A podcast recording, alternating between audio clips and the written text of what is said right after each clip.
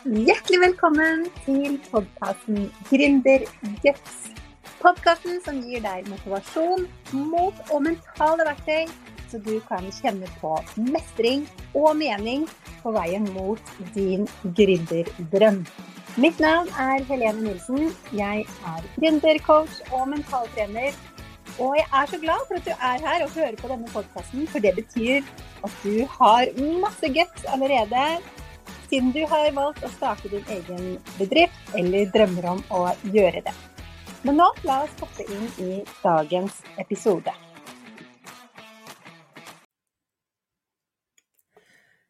Hei og hjertelig velkommen til denne podkastepisoden, som er den første i historien som er spilt inn live. Og denne episoden den eh, blir jo også kringkastet på både Facebook, LinkedIn og YouTube. Så hvis du har lyst til å være med på liveinnspillingen som eh, kommer til å skje framover hver uke, så vit det at du kan følge med på livesendingene hver onsdag klokka tolv. På, på en av de plattformene, altså Facebook, LinkedIn eller YouTube. Og du finner meg across all the platforms som Mama E Design. Så bli gjerne med på en av livesendingene framover hvis du er en av dem som, som hører dette på podkasten etterpå. For dette er jo en normal episode av podkasten Gründerguts som, som jeg skal legge ut på alle podkastplattformer også. Men vit det, at du kan være med på livesendingene framover også, stille spørsmål og komme med dine innspill på de temaene vi skal snakke om. Jeg har allerede fått en kommentar. Det er Liv Jorunn som sier hei igjen, Helene, så hyggelig. Og det jeg også kommer til å gjøre fremover, er at jeg kommer til å annonsere temaene for eh, podkastepisodene fremover, sånn at du også kan stille spørsmål på forhånd hvis du har lyst til det. Og også være med å påvirke hva jeg skal snakke om i denne podkasten. Jeg har jo fått noen innspill fra deg som lytter allerede, så jeg har en liten liste med temaer jeg skal ta opp eh, framover. Og det er det som er så gøy, at jeg kan svare på det du lurer på, og at jeg faktisk kan snakke om det du er interessert i å vite mer om.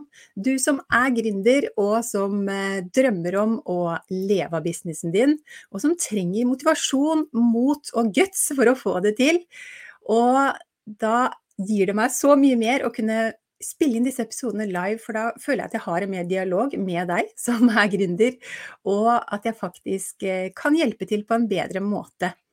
Og så er det også, som jeg nevnte i den lille testepisoden jeg kjørte forrige uke, eller om det er to uker siden, at det er en litt eh, måte for meg å komme over perfeksjonismen på. Og det håper jeg også du kanskje kan ta med deg som inspirasjon, og, og bruke som et verktøy. Dette å forplikte deg til å spille inn en, enten det er en livesending eller å sende ut et nyhetsbrev eller noe som du har så lyst til å gjøre, men som du kjenner at du, du, kjenner på motstand mot, at du kjenner kanskje at det er noe som stopper deg. At det er frykten, eller at det er at du prokrastinerer hver uke, selv om du egentlig har lyst til å gjøre det.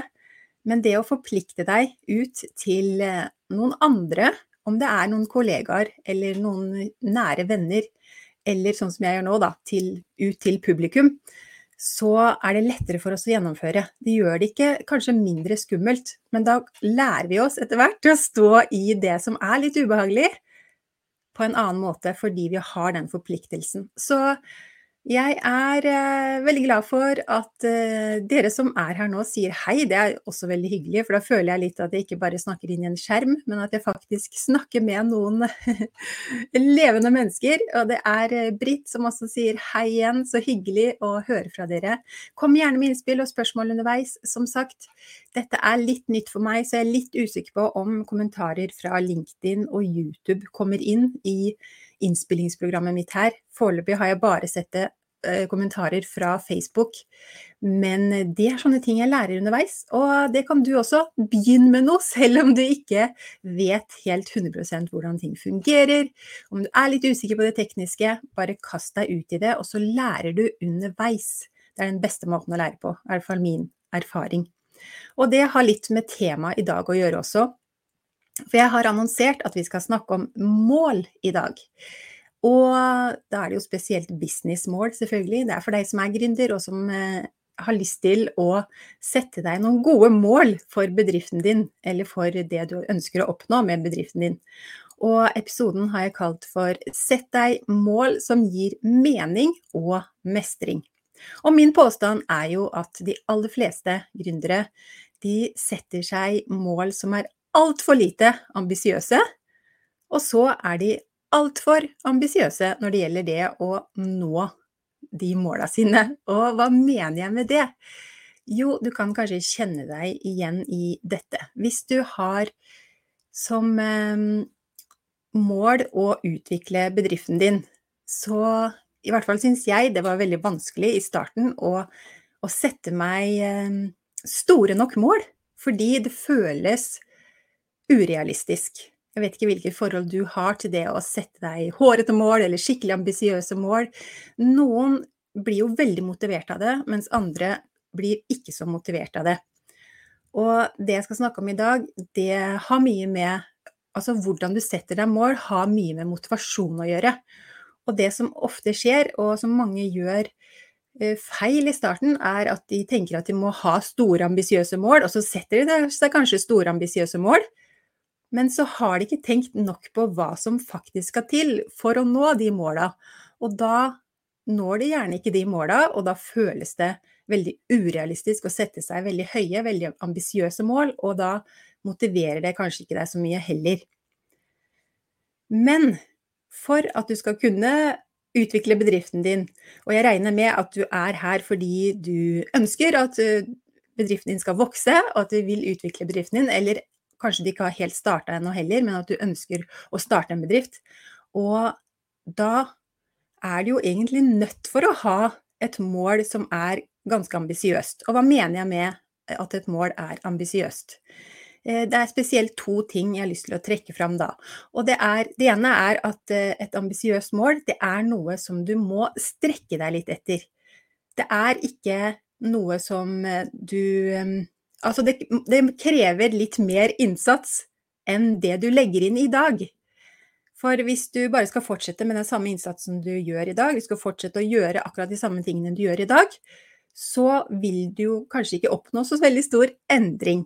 Så for at du skal kunne oppnå en endring, da, som jeg regner med at du ønsker. Du ønsker å utvikle bedriften din, du ønsker at den skal vokse, du ønsker å, kanskje at bedriften din skal utgjøre en større del av inntekten enn det den gjør i dag, hvis du har en annen jobb ved siden av. Kanskje du ønsker og drømmer om å leve av businessen din på fulltid, men du ikke gjør det i dag. Eller du har en business på fulltid, men som du ikke har Du har kanskje ikke det inntektsnivået du ønsker, eller den omsetningen du ønsker i bedriften din. Du ønsker en større omsetning. Da må du jo gjøre en endring i den innsatsen du legger inn. Og eh, for at du skal få motivasjon til å legge inn den innsatsen, så må det jo være et mål som du må strekke deg litt etter. Som vil faktisk kreve den innsatsen av deg. For det kommer jo ikke gratis. Veldig sjelden i hvert fall. Så det å sette seg et ambisiøst mål, det mener jeg er noe som, som, du må strekke deg litt etter. Som selvfølgelig ikke er helt totalt urealistisk som er eh, liksom helt Du kan ikke se for deg det i det hele tatt. For det kan også være demotiverende for mange. For noen så, så, er det veldig motiverende å sette seg et kjempestort mål som de egentlig kanskje vet at de ikke kan nå, men de vet at eh, det gir dem en glede, da, og det gir dem eh, motivasjon å, å tenke på det kjempestore målet og se for seg den drømmen. Selv om det kanskje er langt, langt fram i tid, så kan det gi masse motivasjon for, eh, for, noen. Mens for andre må ha det litt mer innenfor rekkevidde. Kanskje spesielt hvis du er litt ny i business, så kan det lønne seg å sette et mål som er kanskje ikke helt totalt urealistisk, men at du faktisk kan se for deg at du kan, eh, kan nå det med litt trening. Det er ikke sikkert du tror på det med en gang, men det finnes det verktøy for du kan bruke i, innenfor mental trening for å bygge opp den troen på at du vil få det til. Du kan bygge opp den selvtilliten underveis. Du må ikke tro på det 100 eh, fra starten, men det må gi deg en lyst og en glede og en motivasjon til å faktisk jobbe for å oppnå det målet. Så Eh, for det første så må det være noe du har lyst til å, strekke deg etter. Altså et mål, et ambisiøst mål er noe du kan strekke deg etter, men du må jo også ha lyst til det. ikke sant? Det må være at du jobber med noe som du virkelig brenner for, og som du har lyst til å, å få til. Det er jo helt essensielt. Og det andre, som jeg skal komme litt mer inn på etter hvert, det er det som jeg ser veldig ofte, som jeg har hørt av mange andre gründere, og som jeg kjenner meg selv igjen i også, spesielt i starten, så syns jeg dette var veldig vanskelig. Det å sette meg et konkret mål. Altså, mange konkretiserer ikke målene sine godt nok. De tror kanskje de er konkrete, men eh, vi må faktisk ha det ned på et veldig konkret nivå. Eh, en ting mange syns er vanskelig, er jo å sette seg et konkret omsetningsmål, f.eks. Bare det kan være veldig utfordrende i starten. Fordi så fort vi snakker om penger, og vi har et konkret eh, omsetningsmål, f.eks., om det er for året, eller om det er for kvartalet eller måneden, så blir det jo veldig synlig. ikke sant? Det blir veldig konkret, og det kan også være skremmende for noen, fordi da blir det jo veldig synlig hvis du ikke når det målet. Og hvis du er da vant til å eller ikke du har jobba så mye med det, og hvordan stå i det når du ikke når måla dine, og hvordan stå i den skuffelsen, og, og, hvordan jobbe rundt det, så kan det være veldig vondt for noen. Jeg har i hvert fall opplevd det, at det, det syns jeg var veldig ubehagelig i starten, så derfor unngikk jeg gjerne det. Å sette meg konkrete omsetningsmål, f.eks. For, for bedriften. Men hvis du sier bare, eller setter deg som mål at eh, jeg ønsker å øke omsetningen, eller jeg ønsker å tjene mer penger, så blir det veldig uspesifikt, og det blir veldig vanskelig å måle, ikke sant. Så du får ikke målt fremgang, rett og slett. Og det kan igjen være demotiverende, fordi hva betyr egentlig det, eller hvor Når vet du da at du har nådd måla dine? Og da blir det fort at man ikke jobber så mye for å oppnå måla heller, kanskje. Det blir lettere å på en måte glemme det litt, at du jobber mot et uh, mål, rett og slett. Og at du da fort kan havne i rett og slett uh, arbeidsoppgavekjøret. At bare, dagene bare går, og du mister litt mål og mening. Du mister retning egentlig på hvor du skal, og det vil jo ta lengre tid å komme dit du egentlig vil da. Så et mål som gir mening, da, det er jo noe du har virkelig har lyst til å jobbe for, ikke sant. Et ambisiøst mål som du må strekke deg litt etter, og som er konkret. Jeg skal ta et eksempel fra min, eh, min egen reise etter hvert, men jeg har lyst til å komme litt inn på dette med det, hva jeg mener med at de fleste er altfor ambisiøse når det gjelder det å nå de måla de setter seg. Hvis de setter seg mål, da så har de aller fleste av oss, jeg også hadde det eh, for ikke veldig lenge siden heller, jeg har ganske nylig oppdaga dette med eh, en helt ny måte å tenke på, egentlig, rundt dette med mål, så, som jeg har så lyst til å dele med deg. Så det vi ofte gjør, da, er at vi forventer altfor mye av oss sjøl i, i, i det kortsiktige perspektivet. Så vi har kanskje, selv om vi har satt oss store mål i det langsiktige perspektivet, så tenker vi altfor lite på hva som faktisk skal til i det daglige for å kunne nå de måla. Og hva det faktisk kreves. Sånn at eh, da setter vi jo oss selv opp for å bli skuffa egentlig gang på gang. For mange av oss har veldig store forventninger til hva vi skal få til i løpet av en uke, f.eks. Så vi setter opp eh, lange to do-lister hver uke. Vi har, mange er veldig gode på det, sette seg mål for uka og, og, lage planer for uka.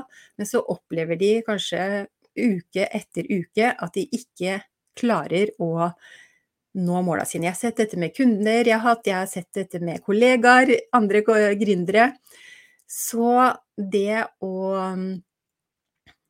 ha et realistisk forhold til hva man faktisk skal få til i løpet av en uke, det er, eh, det er også noe vi må jobbe med.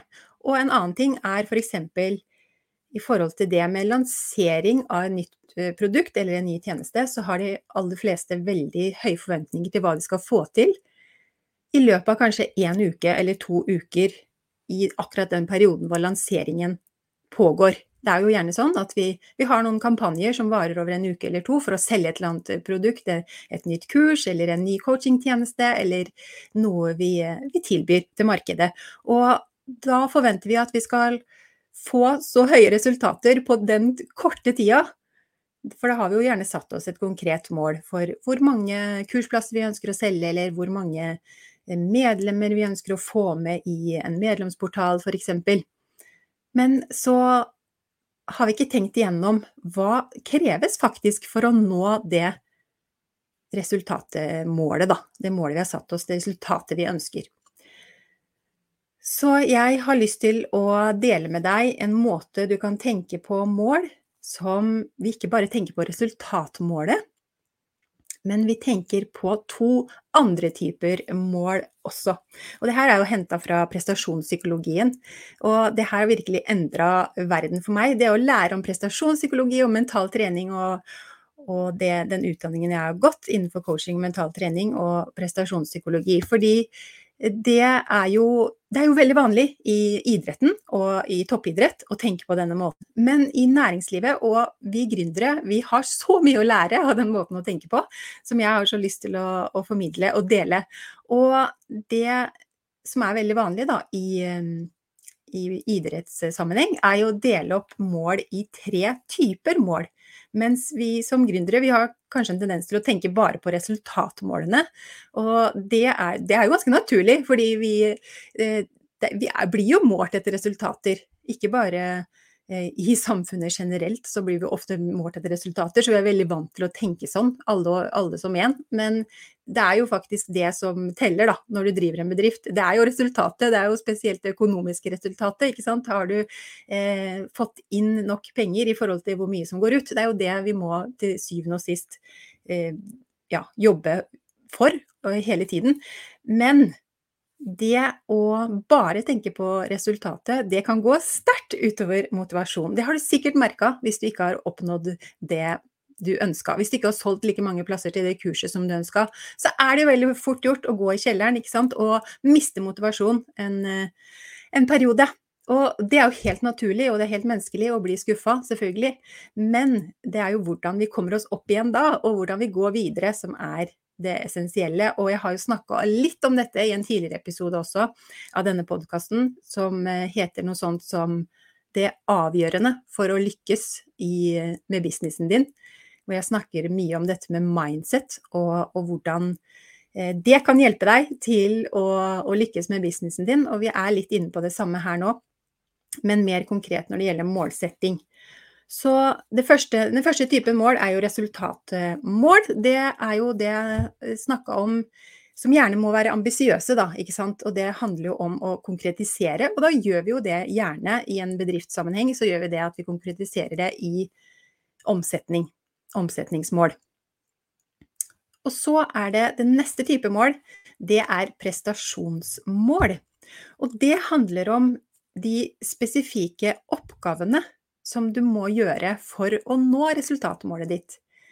Og i bedriftssammenheng eller i denne sammenheng så kan vi jo snakke om hva må til for at du skal nå omsetningsmålet ditt.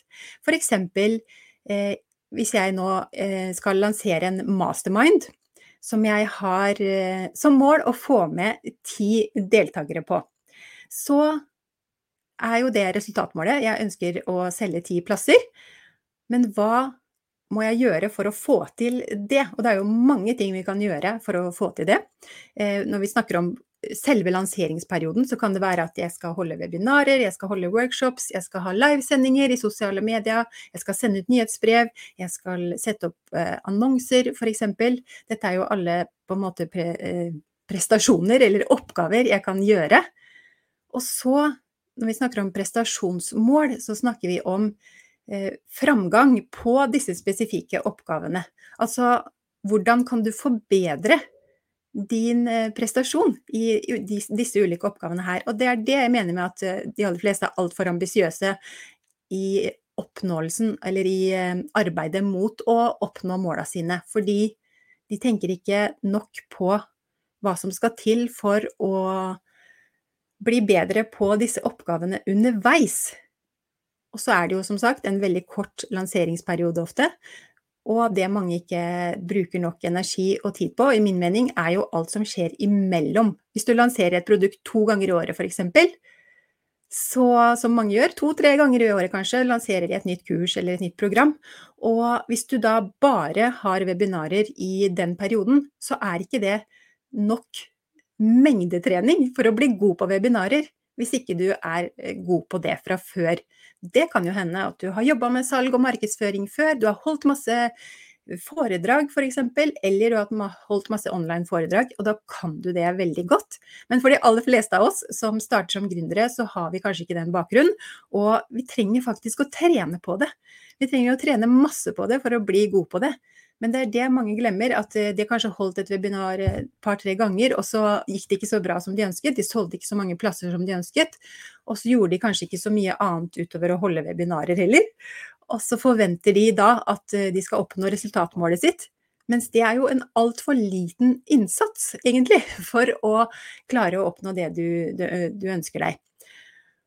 Og det tredje type mål, det er eh, prosessmål. Og det er jo mer sånn det som skjer i det daglige, i hverdagen. Og når det gjelder idrett, så kan det være det å forbedre tekniske elementer av en prestasjon, f.eks. F.eks. For, for en eh, langdistanseløper så kan det være det å, å, forbedre løpesteget. Det er noe de trener på kanskje hver dag, eller hver, i hvert fall hver uke, da, for å bli bedre på akkurat den teknikken. Mens når det gjelder eh, oss gründere, så kan det være at vi må trene f.eks. på salgspitchen i en webinar, eller, eller det å bygge opp motet til å faktisk gjennomføre alle de livesendingene og webinarene du har planlagt at du skal gjennomføre. For jeg vet ikke med deg, men mange ganger eh, med meg og mange andre jeg snakka med, mange andre gründere jeg snakka med, så hører jeg gang på gang at jeg hadde planer om å egentlig ha flere livesendinger i løpet av den lanseringsperioden, eller jeg hadde planer om å sende ut mange flere e-poster, men så stoppa jeg meg selv, jeg holdt meg tilbake. Og hva er det som holder deg tilbake fra å gjøre eh, For å legge inn 100% innsats, da.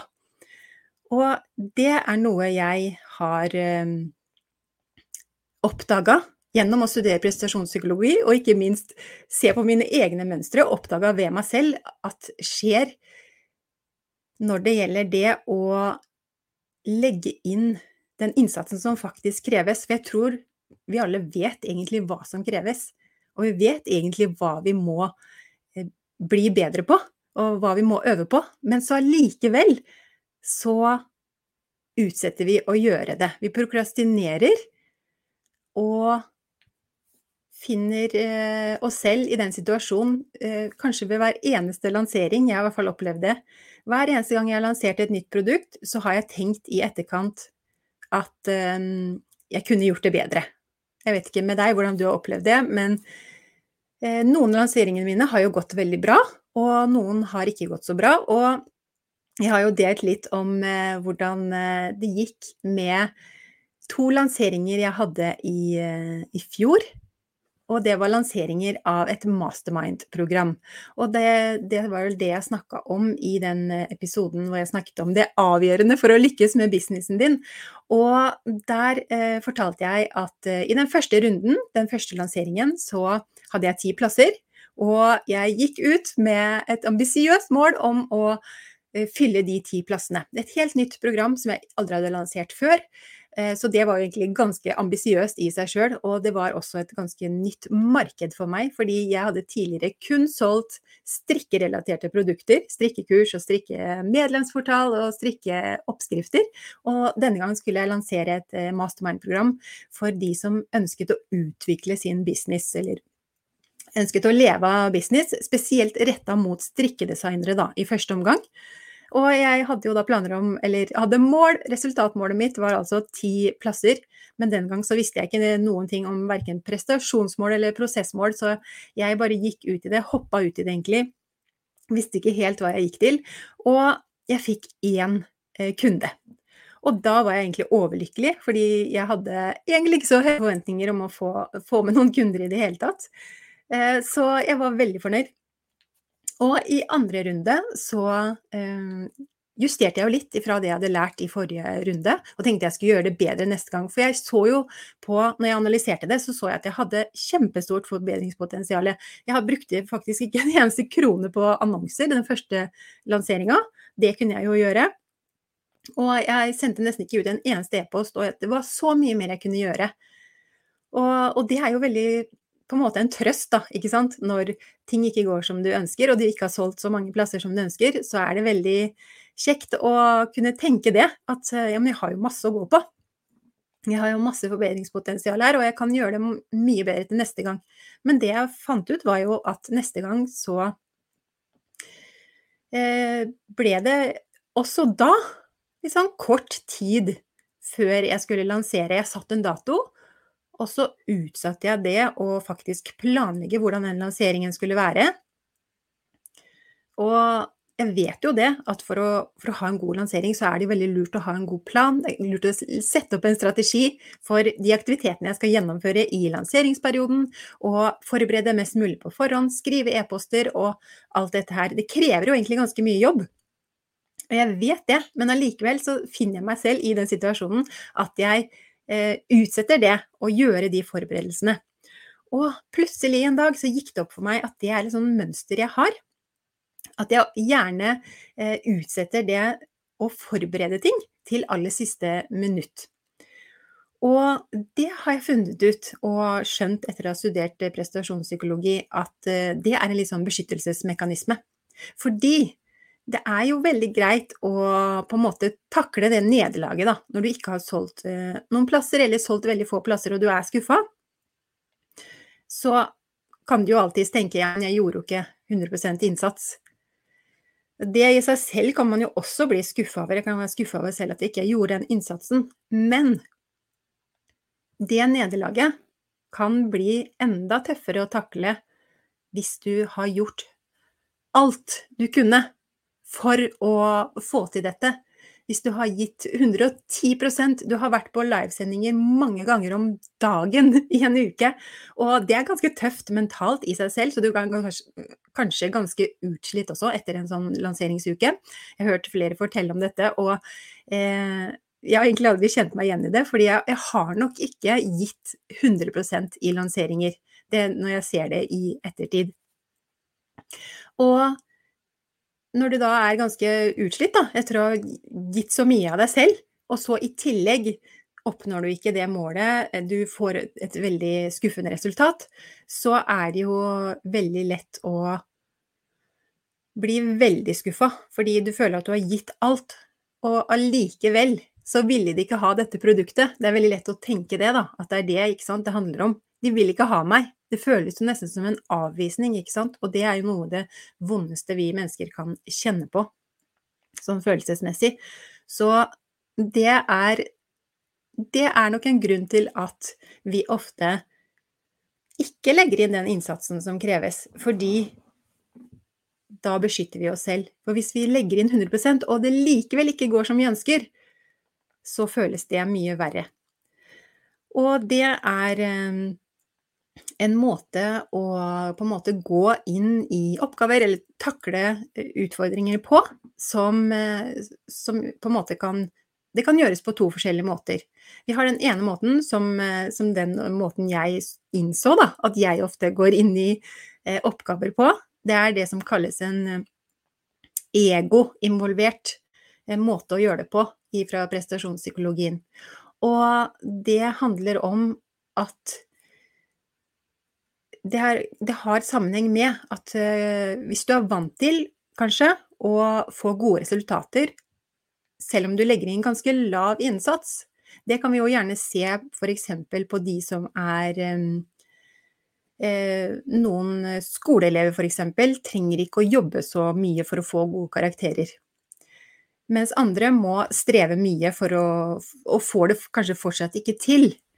Og når vi da gjennom oppveksten, som vi gjerne da eh, opplever, eller har opplevd eh, spesielt eh, i eh, tidligere. Det er kanskje Det begynner å bli bedre nå, men, eh, men i, eh, i, det norske skolesystemet så er det jo tradisjonelt ikke så vanlig at vi blir premiert eller anerkjent for innsatsen, men vi blir veldig mye anerkjent for resultatene. Og når du da er vant til å, å, bli anerkjent kun på resultatene, så føler du jo på en måte at du har mindre suksess hvis du jobber hardt for noe, men du får ikke så gode resultater. Det føles det, Noe du syns er vanskelig, det, det, opplever du da mindre suksess med, ikke sant? Mens noe du syns er lett, da kan du oppleve stor suksess, fordi du får det til lett. Hvis du har denne på en måte ego-involverte tankegangen, da. Og det kan jeg kjenne meg igjen i, for jeg har alltid vært veldig god på skolen, egentlig. Og det er litt sånn tilfeldig, tenker jeg, da, at jeg hadde de forutsetningene jeg hadde. Jeg lærte meg bl.a. å lese og skrive før jeg begynte på skolen, lærte det veldig tidlig. Og det var jo, det var, tror jeg også var tilfeldig. Det var bl.a. fordi faren min drev med data. Altså han drev og satte sammen, bygde sammen datamaskiner, så han hadde masse datautstyr hjemme. Det var ikke så vanlig på den tiden, på tidlig 80-tall, at folk hadde masse datautstyr hjemme. Han var liksom veldig tidlig ute med det. Så, og så hadde han en gammel skrivemaskin husker jeg, som han hadde arva fra sin bestefar, tror jeg, som jeg fikk lov til å sitte og skrive på. Jeg var veldig opptatt av og interessert i disse tastene og bokstavene. Så jeg lærte meg å skrive på den skrivemaskinen da, da jeg var fire år. Og så lærte jeg meg å lese også før jeg begynte på skolen. Så når jeg begynte på skolen da, så hadde jeg jo kjempegode forutsetninger for å For hvis du kan da lese og skrive, så er det jo mange ting på skolen som går mye lettere. Så jeg skolen var veldig lett for meg. Og da ble jeg jo veldig motivert også ikke sant, til å, å, drive med skole, fordi jeg fikk gode resultater. Og sånn, det fulgte meg egentlig hele eh, skolegangen. Etter hvert så ble det jo litt mer vanskelig da, når du kommer opp i videregående og universitet og sånt. Men det å på en måte få resultater basert på liten innsats, det har liksom noe vært noe som har fulgt meg hele livet. Og da tror jeg det, det er, jeg tror det har litt eh, med det å gjøre. Hvorfor jeg synes det har vært veldig tøft å stå i det når jeg har fått dårlige resultater i, når jeg har drevet min egen bedrift. Eh, fordi eh, jeg er vant til at resultater kommer lett til meg, på en måte. Mens nå kreves det jo mye mer innsats, fordi det er mange ting som er helt nytt for meg. Eh, dette med salg og markedsføring var helt nytt da jeg starta, og det er jo helt naturlig da at vi trenger å legge inn mer innsats, vi trenger å jobbe mer med det, vi trenger å øve på det for å få det til. Men det er så lett å glemme, spesielt hvis du liksom er vant til å få at resultater, gode resultater kommer lett til deg, da. Så det kan være en, eh, en ulempe å ha den eh, tankegangen, men det kan også være både fordeler og ulemper med det motsatte, som er da en mer mestringsinvolvert tankegang, hvor vi ser mer på innsatsen. ikke sant? At vi vurderer eh, suksess basert på den innsatsen vi legger inn. At vi er fornøyd med oss sjøl selv, selv om vi ikke har fått et kjempegodt resultat, men vi har lagt inn kjempegod innsats. Og, og det kan også være til en ulempe hvis du blir me, eh, mer fokusert på eh, oppgaven, at, at, du på en måte blir for fokusert på det. da. At du blir for opptatt av å, å mestre, eller at du du blir for fokusert på én spesiell teknikk, at du liksom eh, blir mer fokusert på at du skal gjøre den teknikken bra, enn å faktisk gjennomføre det bra. Så det kan også ha noen ulemper der. Men eh, det kan hjelpe deg da når du står i det at du ikke opplever at du får de resultatene du ønsker. Men det er også Du kan sette deg mål som også går på innsatsen. Og hvordan gjør du det, da? F.eks. hvis eh, du har et mål som eh, går på et visst antall plasser du har lyst til å selge i et kurs eller et program, så er det jo dette med å se det i et lengre perspektiv, og ikke bare tenke at du skal legge inn innsats i den lanseringsuka eh, når du skal lansere dette produktet. Men hva gjør du i mellomtiden for å forbedre prestasjonene dine når det gjelder? Det er her mental trening kan komme inn og hjelpe deg, og hvordan du kan bygge opp mot til å tørre å gjennomføre eh, webinaret, og hvordan du kan også forbedre teknikken, eller hvordan du kan gjennomføre bedre webinarer. Og det kan du jo øve på på flere måter. Du må jo ikke bare sitte og tøytrene i speilet eller eh, holde webinarer i en lukka gruppe for deg selv, men du kan jo også øve på det ved å f.eks. ha livesendinger på ukentlig eller eh, månedlig basis gjennom året, sånn at du får mengdetreninga som skal til for å være på skjerm og for å formidle budskapet ditt på skjerm. Så jeg håper det her kan eh, være til nytte for deg, til hvordan du kan sette deg mål som gir mening, men som også gir mestring på veien. For hvis du vurderer suksess på, også på prestasjonsmåla. Du har gjennomført så og så mange webinarer f.eks. i løpet av et halvår. Og du har forbedra eh, måten du holder webinarer på. Du får mye mer engasjement på webinaret nå enn du gjorde for seks måneder siden f.eks. Eller du har mange flere med deg på webinaret. Du har forbedra eh, måten du markedsfører webinaret på også. Så se også på hva du har oppnådd der, og ikke bare se på resultatet i, i andre enden. For da vil du kunne holde motivasjonen oppe over lengre tid, og det er det som er, skaper grobunn for en mer bærekraftig business, hvor du eh, ikke bare ser på resultatet og gir opp eh, for lett. Fordi som jeg snakka om tidligere på den andre episoden, hvor jeg snakka om dette med lanseringen av denne masterminden min. Jeg har nå lansert to ganger. Og det, er, eh, det har ikke gått så bra, eh, rett og slett. Av 20 plasser så har jeg solgt én. Så sånn fra, eh, på overfladisk nivå da, så kan vi jo si at det var kanskje en fiasko. Det programmet der må du bare legge bort til henne, for det der funka ikke. Men nei, det er ikke sant, og det vet jeg ikke er sant. Fordi for det første så er det helt nytt marked for meg. For det andre så har jeg masse mer å gå på, som jeg sa. Jeg kan gjøre mye mer for å gjøre det programmet kjent for deg, som jeg vet det vil hjelpe. Jeg vet det vil bidra for deg som ønsker å leve av din egen business, eller i hvert fall ha det som en, eh, en del av eh, inntekten din.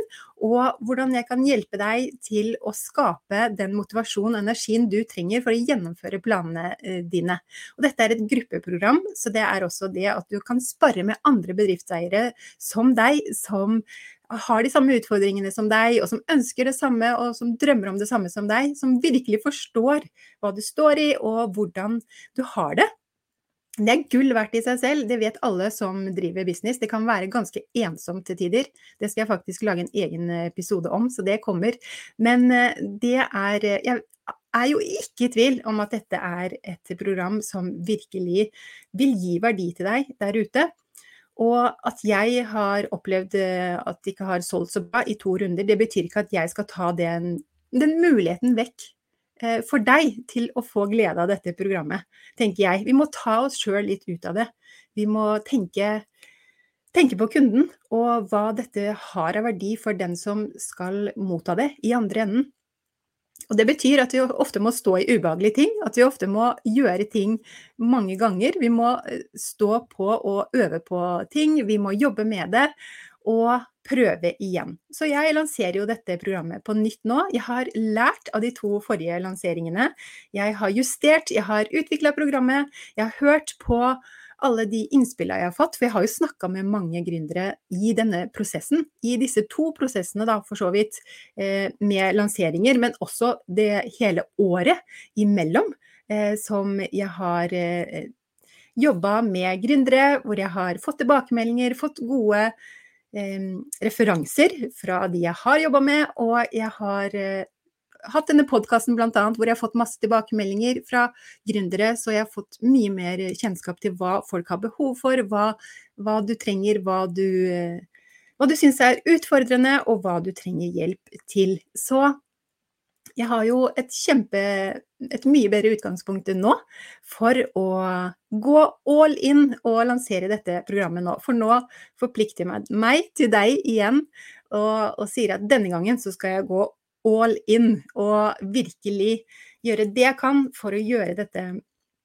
programmet kjent for deg, og for at du skal vite hva det, hva det, kan hjelpe deg med, hva det kan bidra med for deg. Og hvis du kjenner at det er riktig for deg, at du skal være med i programmet. Så jeg eh, gleder meg til å eh, kjøre på med dette programmet nå. Det starter 15. mars. Og det er åpent for søknader nå fra i dag, 1. mars. Så du kan gå inn på linken som jeg legger eh, ved under episoden også, men som jeg også har her på um, skjermen akkurat nå, hvis du følger med live. Det er eh, mamae.no slash skap din struktur, heter programmet. Som går over tolv uker, og det er ti plasser. Men eh, det er minimum tre deltakere jeg trenger for å starte programmet. Sånn at du vet det. sånn at det, blir garantert en gruppe. Men hvis det skulle være én eller to som melder seg på, så får du som melder deg på uansett et supertilbud på én-til-én-coaching i stedet. Så du får et tilbud uansett. Og du melder deg på ved å sende inn en uforpliktende søknad. Og så tar vi en prat for å se om dette er det rette, rette programmet for eh, deg.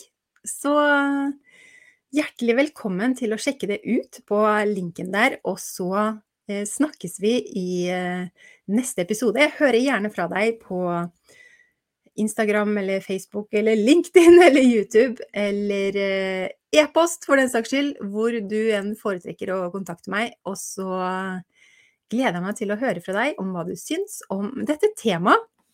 Om du kan kjenne deg igjen i noen av de tingene jeg snakker om, om dette med å sette seg mål og oppnå mål.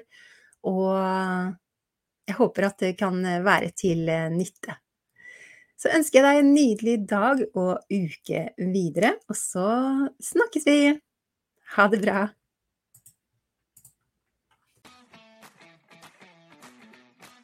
Tusen takk for at du lyttet til denne episoden av podkasten Gründerguts.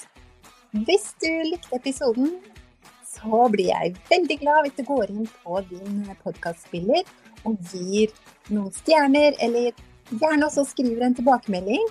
Så blir jeg veldig takknemlig for det, for det betyr at flere kan oppdage podkasten og få nytte av tipsene.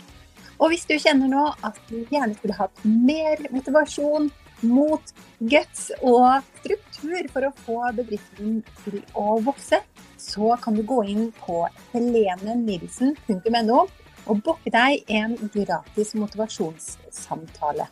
Det er helt gratis, og da snakker vi sammen i 30 minutter, og jeg kan se hva du trenger hjelp til, og om vi skal samarbeide videre gjennom coaching og mentaltrening for å virkelig få bedriften til å vokse.